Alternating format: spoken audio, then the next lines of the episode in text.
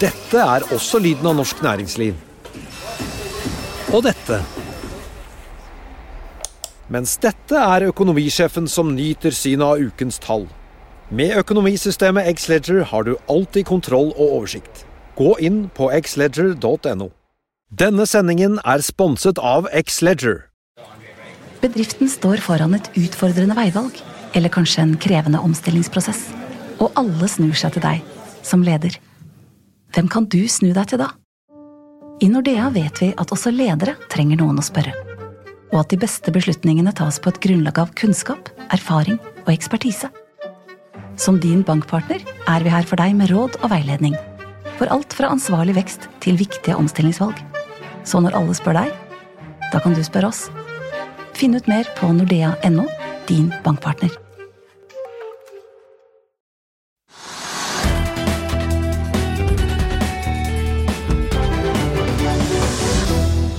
En riktig god mandag alle sammen, og velkommen til Økonominyhetene. Mitt navn er Marius Lorentzen, på plass her på Smestadammen i Oslo. Og med meg har jeg Trygve Hegnar, som skal kommentere markedet på en dag der amerikanerne har tatt fri for å feire Labor Day. Oslo Børs fortsetter rallyet vi så på tampen av august, og der oljeprisen snart eh, snuser på 90 dollar fatet. Og sist, men ikke minst, der det har skjedd en historisk navneendring på Vestlandet. Men først la oss titte kjapt på marked- og nyhetsbildet. Hovedindeksen opp 0,4 i dag til 12,70. Det har vært stort sett grønt rundt oss i Europa i dag.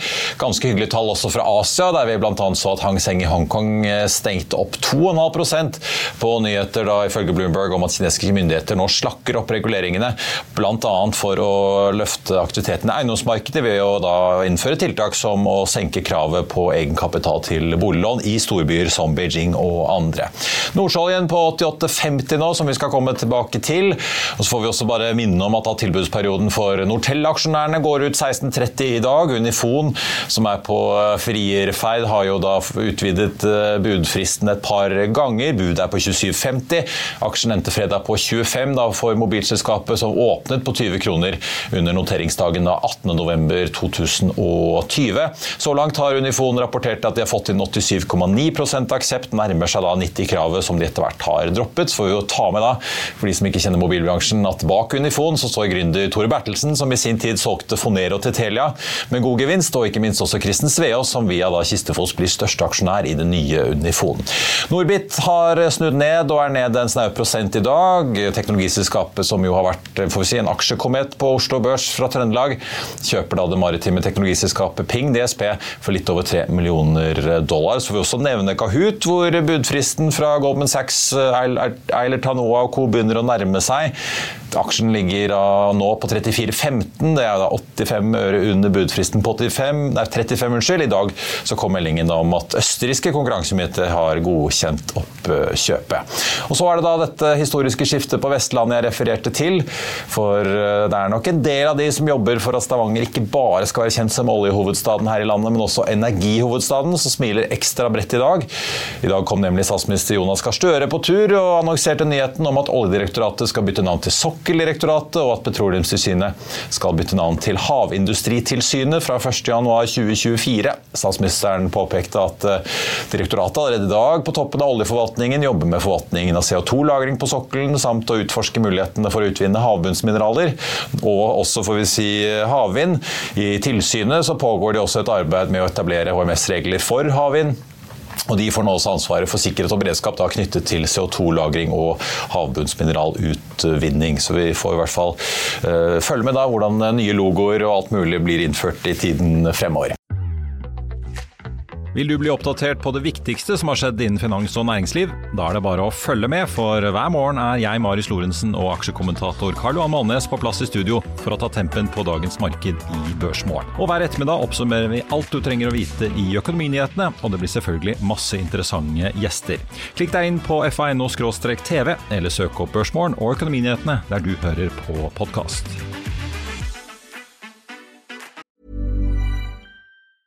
Ready to pop the question and take advantage of 30% off? The jewelers at Bluenile.com have got sparkle down to a science with beautiful lab grown diamonds worthy of your most brilliant moments. Their lab grown diamonds are independently graded and guaranteed identical to natural diamonds, and they're ready to ship to your door. Go to Bluenile.com to get 30% off select lab grown diamonds. That's Bluenile.com for 30% off lab grown diamonds. Bluenile.com. Dette er også lyden av norsk næringsliv. Og dette. Mens dette er økonomisjefen som nyter synet av ukens tall. Med økonomisystemet Xledger har du alltid kontroll og oversikt. Gå inn på xledger.no.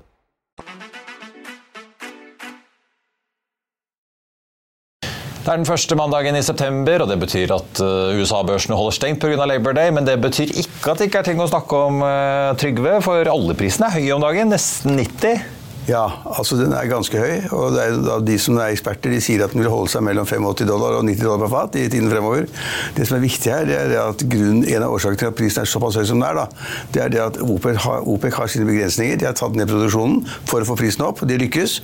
Og det er klart at Hvis OPEC fortsetter da, å holde begrensningene, sant, opprettholde alle de restriksjonene på produksjon som de har gjort frem til nå, så vil prisen holde seg høy. Men skulle OPEC da slutt, altså endre policy da, og begynne å produsere mer fordi det ikke er så nødvendig å holde prisen oppe, så vil bildet endre seg ganske dramatisk. I øyeblikket så sier de fleste ekspertene at OPEC kommer til, de har tak på markedet, sier de.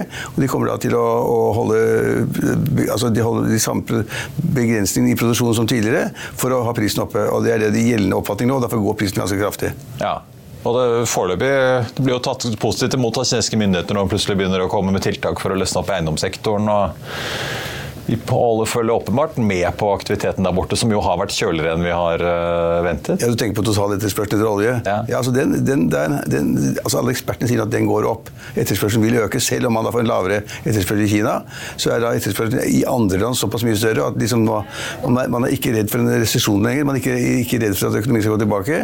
Så man tipper nå liksom at Hvis det tidligere var slik at man regnet med en etterspørsel etter 100, altså 100 millioner fat omtrent dagen, så sier man nå kanskje 103 eller 104 eller 105 millioner fat om dagen. Det er klart, det krever da liksom en høyere pris hvis produksjonen er den samme som før. Så I øyeblikket kan man liksom belage seg på det at oljeprisen holder seg ganske høy, inntil vi får da endringer i OPEC-landene, hvis de kommer. Noe kontra. Ja. Noe, ja. Foreløpig har jo Saudi-Arabia vært ganske aggressive på at eh, de annonserer stadige kutt for å holde prisen oppe, Ja. med en gang prisen har begynt å gå ned mot sånn syvtallet. Men det er verdens enkleste måte å holde prisen oppe på. Det er å ta ned produksjon. Ja. Mange andre skulle gjøre det samme. De norske bønder skulle gjøre det samme på, på storfekjøtt og på svinekjøtt. Det er overproduksjon. Ja. Tar de ned prisen, så vil sannsynligvis da etterspørselen øke. Og man blir, man blir da kvitt de store lagrene man har, men man vil ikke ta ned prisen. Man vil ha prisen høyere. Ja. Vi får se om det hvor store kampanjene blir på burger og tacokjøtt og alt mulig Ja. annet for å få eh, ned lagrene. Men altså, her hjemme betyr jo dette eh, stort sett, eh, historisk i hvert fall, at det blir ganske hyggelig. da. Vi har jo så mange oljeeksponerte aksjer. Ja det, er, altså, det, ja, det er et veldig interessant spørsmål. Altså, man skulle jo tro da at det er en klar korrelasjon da, mellom oljeprisen og norsk økonomi. Og I dag så ser vi at selv om oljeprisen da på en måte ligger på 89 dollar per fat, så er det omtrent null reaksjon for de store oljeselskapene. Verken Aker BP eller Equinor har noen endringer i dag. Det er null, altså helt flatt. Så, så kan man si at det kanskje er tatt ut i tidligere små økninger de, de, de kursene. Men i fall i dag, hvis man ser på dagens marked helt isolert, så sier markedet at ok, vi kommer til å ha en høy oljepris, men det betyr ikke da noe for Equinor og Aker BP akkurat i dag. Forsiktig sagt. Nei. Men øh, ja. Det er jo en sammenheng. altså Hvis oljeprisene går til himmels igjen og, og går over 90 dollar på fat, så vil det bety enorme inntekter for staten i form av skatter og avgifter de tar inn. Enorme skatteinntekter fra de store oljeselskapene og de store energiselskapene. slik at Går oljeprisen videre nå, så blir statens inntekter vanvittig mye høyere. Og de, Jeg tipper at, at regjeringen som da nå har hatt sånne såkalte budsjettkonferanser, de har ikke vært i nærheten av å ta inn da oljeprisen på 90 dollar på fat i sitt budsjett. Det tror jeg ikke noe på. Nei. Det blir veldig spennende å se. Statsbudsjettet kommer 6. oktober. Da vil vi se hvilken oljepris eh, Finansdepartementet har lagt til grunn. Jeg vil tippe at den er nede på 80, 70, 60. ja, 80-tallet. eller 80-tallet kanskje, ja. ja. 10 dollar under dagens pris. Og da vil jo selvfølgelig hele regnestykket på statsbudsjettet bli annerledes hvis man da beholder en oljepris på 90 dollar fatet i løpet av året, eller ut, ut, ut dette året, eller begynnelsen neste år. I hvert fall med de kostnadskuttene som har vært i oljenæringen. Og Ja. Så blir det veldig god kontantstrøm eh, hvis man titter litt i regnskapene på disse sensitivitetsanalysene. Ja. Bare man kommer 60, 70, 80, 90 og, masse, og, Marius, og veldig store skatteinntekter. Masse. Så man snakker om at man må ha så, såpass mye økning i skatteinntektene eller så, såpass mye økning i avgift, avgiftene for å få budsjettet i havn osv. Med den oljeprisen vi har i dag, så er det bare tull alle sammen. Inntektene vil bli langt langt over det de sannsynligvis budsjetterer med. Men det vet vi ikke ennå. Spørsmålet er vel om de klarer å holde igjen, og at ikke Ida Wolden Bakke må komme og slukke lyset på festen? Ja, det vet jeg ikke. Vi får se. Eh, det var jo, jeg syns det var interessant, eh, både Storbrann og det med Marcus mener jo begge at vi er nådd eh, rentetoppen i USA nå, med de jobbtallene. Nå ser vi ledigheten. På fredag kom jo tallene hvor vi så ledigheten begynte å tikke opp fra 3,5 til 3,8. Litt bedre jobbskaping enn ventet, men likevel langt ned fra nå er det jo på 187 000, langt ned fra nivåene vi så for noen måneder siden. da. Ja, og, og altså, ledigheten er jo da fremdeles Fortsatt under 4. Det er under 4 da. Så hvis den da, altså ledigheten går i 4-5-6% så da, klart, da, kan de, da kan de sette i gang rentepolitikken også. For da, liksom, da, da har man fått effekten av, av liksom tilbakeholde økonomien nede. Men uh, jeg vil ikke spekulere veldig mye i 3,8 eller 3,9. Det vil jeg ikke gjøre. Nei. Og Husk på at ledigheten i Norge, var det en Marius? Ja, nå tar du meg på sengen. 1,8 eller 1,9 Ja, hvis du ser på Nav, ja. ja. ja, så Vi har jo ikke ledighet i Norge, så egentlig skulle det gå bananas i Norge. Og det skulle bety da at Norges Bank skulle egentlig da også av den grunn øke renten, men eh, vi får se. De, Norges Bank kommer til å øke i september, og jeg tipper en gang til neste år. Før jul. Ja. Ja, før jul eller neste år. Vi er så langt fra prismålet at de er nødt til å gjøre noe. Da blir det mer. Og vi har sett én overskrift om at eh, noen boliglån har begynt å passere 6% her i landet. Så da Opp mot 7%. er vi i hvert fall Ja, da begynner vi å bli 6,5 fort. 7 Mange får nå, altså Hvis du skal ha boliglån i dag, så jeg tipper at du må ut med eh, minst 7% og verre kan det bli.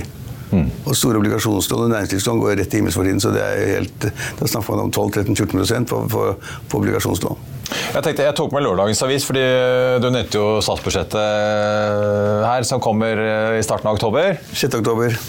De som leste avisen på lørdag, de kan gå inn på F1 og lese fortsatt. Da. Vår kollega Steinar Grini hadde en gjennomgang med en del av landets eh, fremste skatteeksperter om hva som kan komme. Jeg har merket meg at Jan Christian Vestre, næringsministeren, og Vedum, finansministeren, alle er ute og prøver, virker som de prøver å kjøle ned debatten om at her skal det komme så veldig mye endringer. Men det er jo mange som lurer på om det faktisk kommer likevel. da.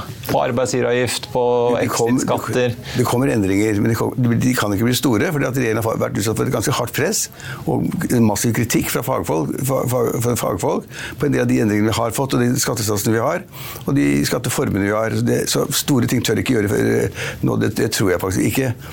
Eh, for man har stortingsvalg om to år, ikke sant? og så kommunevalget er ferdig den 11. september. Og så vet hvis Arbeiderpartiet og de rød-grønne får veldig dårlig oppslutning den, den 11. september, så må de legge planen for valget om to år.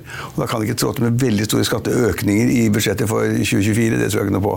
Men det kan komme endringer på noen områder som er veldig enkle, og som de er nødt til å komme med, med reduksjoner på. Det er den, den ekstra arbeidsgiveravgiften for inntekter over 750 000 kroner, som er 5% eller 5 poeng ekstra.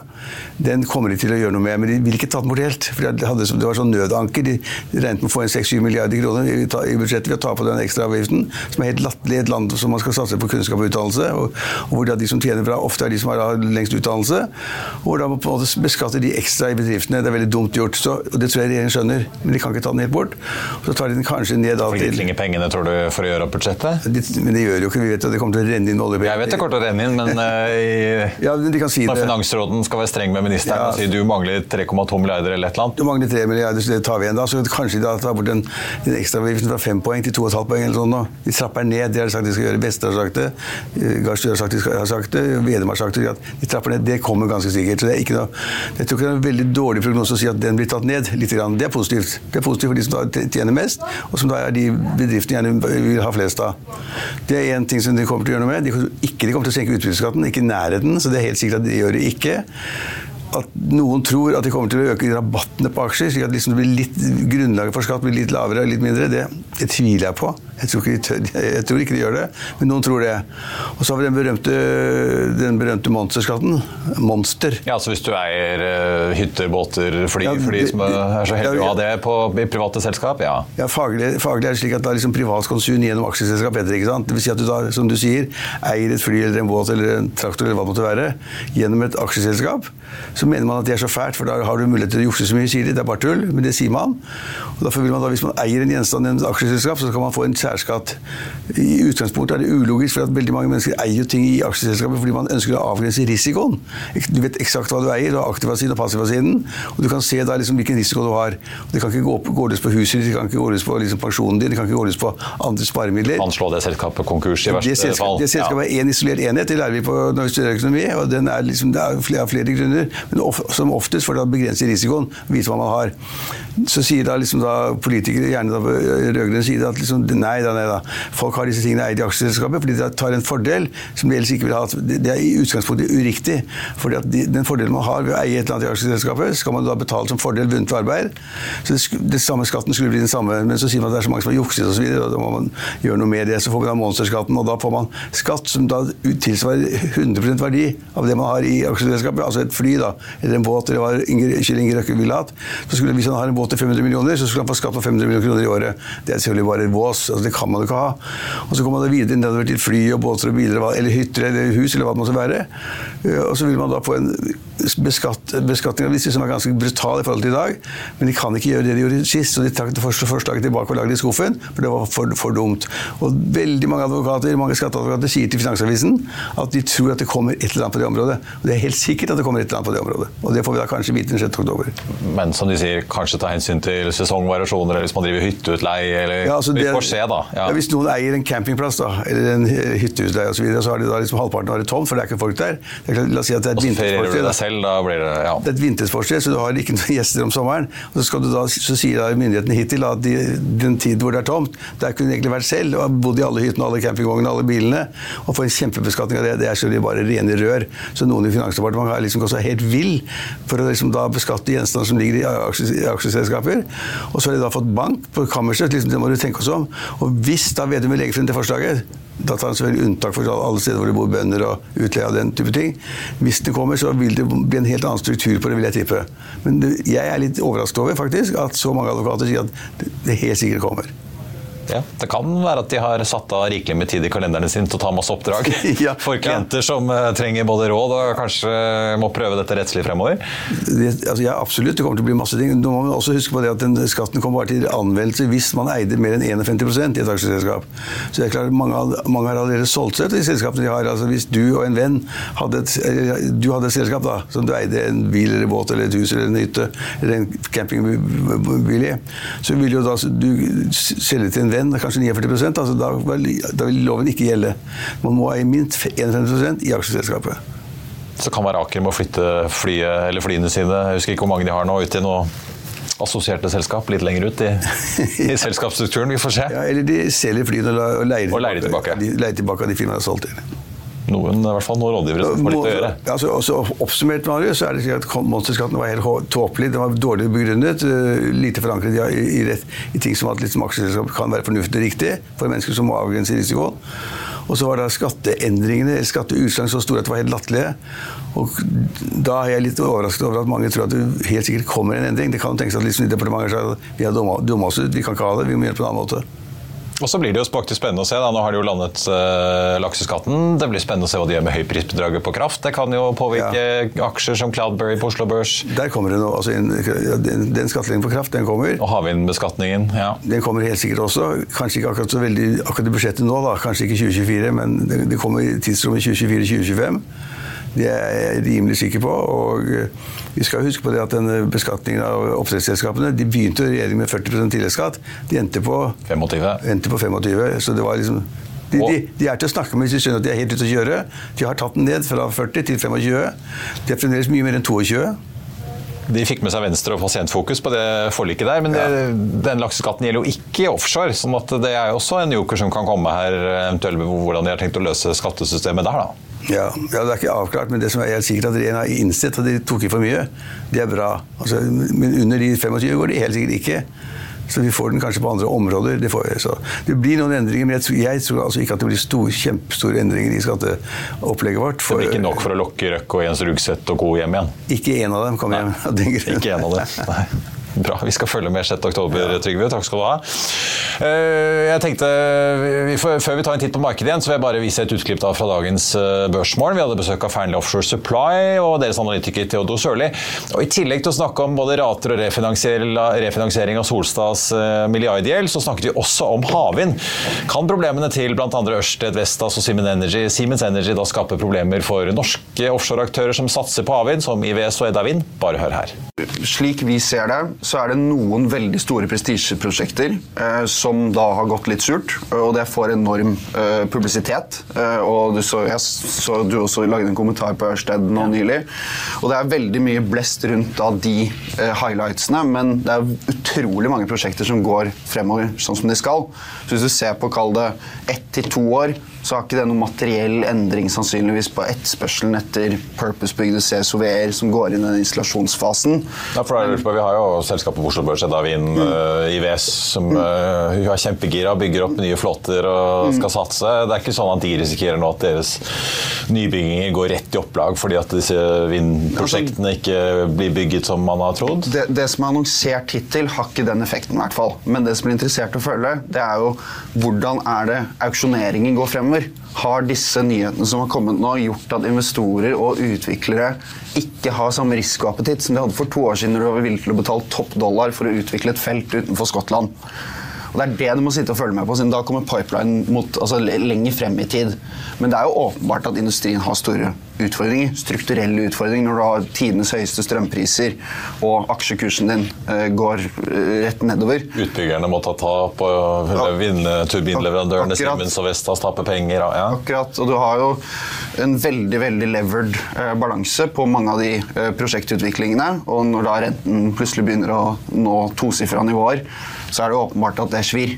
Så det er jo behov for det, en strukturert endring i måten det bygges ut på, sånn at det blir mindre sensitivt. Altså, på et lønnsomhetsperspektiv, siden lønnsomheten har rett og slett ikke vært god nok. Vi, vi la jo merke til at Kadlers eh, konsernsjef var i studio hos oss noen timer før Ørsted kom med sin profittvarning. og det eh, det hadde jo noen, hadde jo noen finske kolleger i New York. Da han, det var alltid spørsmål hvorfor, hvorfor rapporterer de danske selskapene alltid så mye senere enn de andre. Ja, Finnene vet du, de er jo helt rå. Det er jo for at det er ulike det er for at det alle skal få lov til å vite hva som er resultatene før de egentlig kommer, de kommer ut. Ja. Det er liksom løkringer, det er et system som finner det. Og, og, så at ingen profitvåning skal komme virkelig overraskende. Det er, jo, det er jo litt brutalt. Jeg tror ikke det er sant, da, men det er jo litt merkelig at danske selskap alltid kommer så seint. Men Theodor, apropos det, jeg var litt, egentlig litt overrasket. Solstad-sjefen sier at som en tredel av IBT-en deres mm. uh, nå i kvartalet kom fra havvind. Mm. Eh, I olje og gass, liksom du nevnte nevnte jo eh, Jotun-feltet. Selv om det vært masse overskridelser for energi, så skal den FPSO-en ut. Liksom at hva det koster, hva det koster vil, for de kan ikke ha den eh, ute av produksjon lenger. Eh, fordi liksom alternativkosten blir så høy. Men, men hvordan ser det ut på havvind? da? gitt et Solstein eller noen andre som har ganske grei inntjening. Mm. Hvor sårbare er de for svingninger i den næringen? Fordi du trenger jo en del aktivitet ja. bare på drift og service, mm. versus da hvor mye skipskapasitet du trenger ved faktisk mm. installasjon. Det, det, varierer veldig på hvilket fartøysegment du jobber innenfor. Så det du ser på de purpose-bygde SOV-ene eh, som Edda har et par, men de er primært fokusert på CSOV-er. Så på lange kontrakter innenfor SOV så har det alltid vært veldig mange tilbydere som er villige til å prise seg lavt.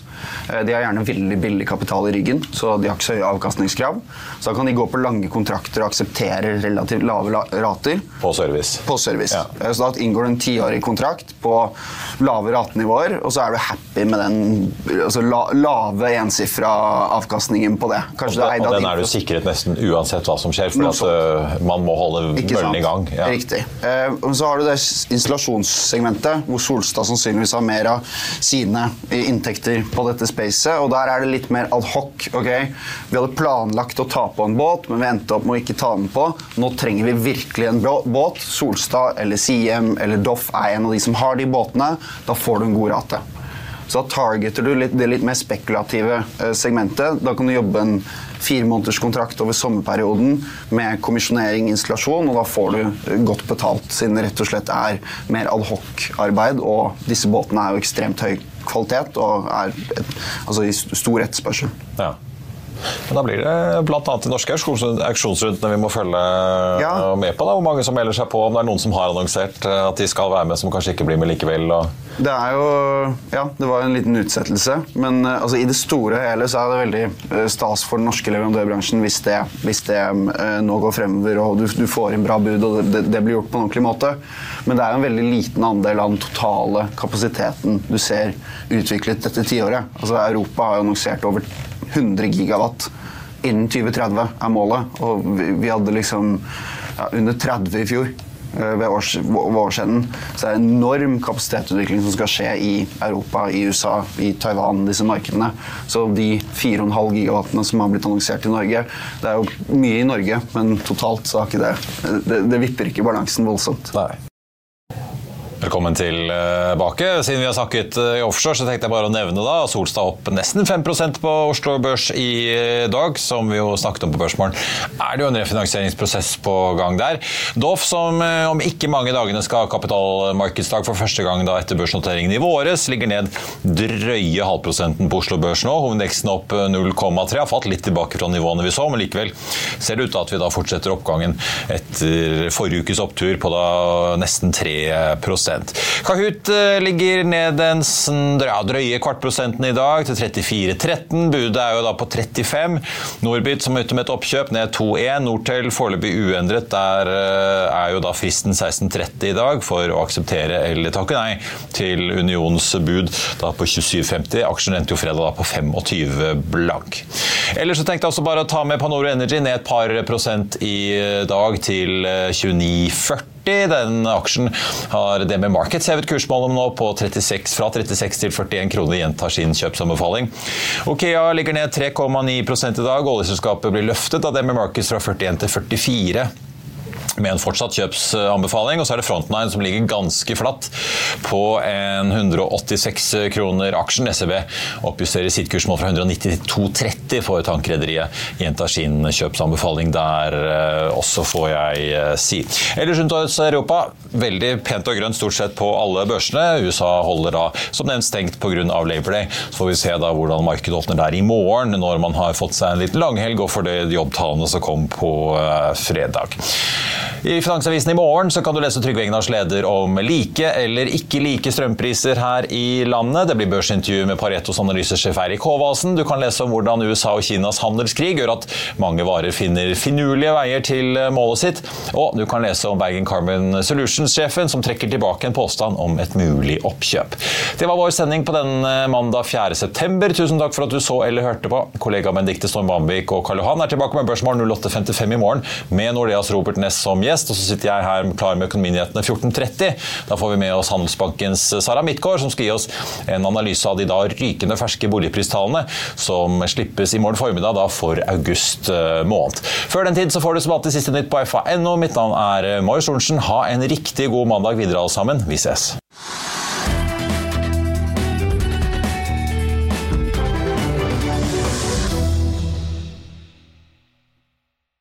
Denne sendingen er sponset av X-Leger.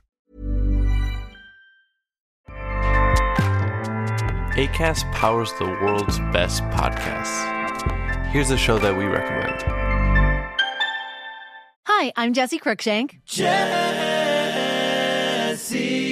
Cruikshank. I host the number one comedy podcast called Phone a Friend. Girl, let's phone a friend. Not only do I break down the biggest stories in pop culture with guests like Dan Levy and members of InSync, I do it with my own personal boy band singing jingles throughout. Because it's my show. It's your show, girl. New episodes of Phone a Friend Yeah. drop Thursdays wherever you get your podcasts. So work it, girl. Yeah, work it. Okay, that's enough. ACAST helps creators launch, grow, and monetize their podcasts everywhere. ACAST.com. Økonominyhetene er en podkast fra Finansavisen. Programledere er Marius Lorentzen, Stein Ove Haugen og Benedikte Storm Bamvik. Produsenter er Lars Brenden Skram og Bashar Johar. Og ansvarlig redaktør er Trygve Hegnar.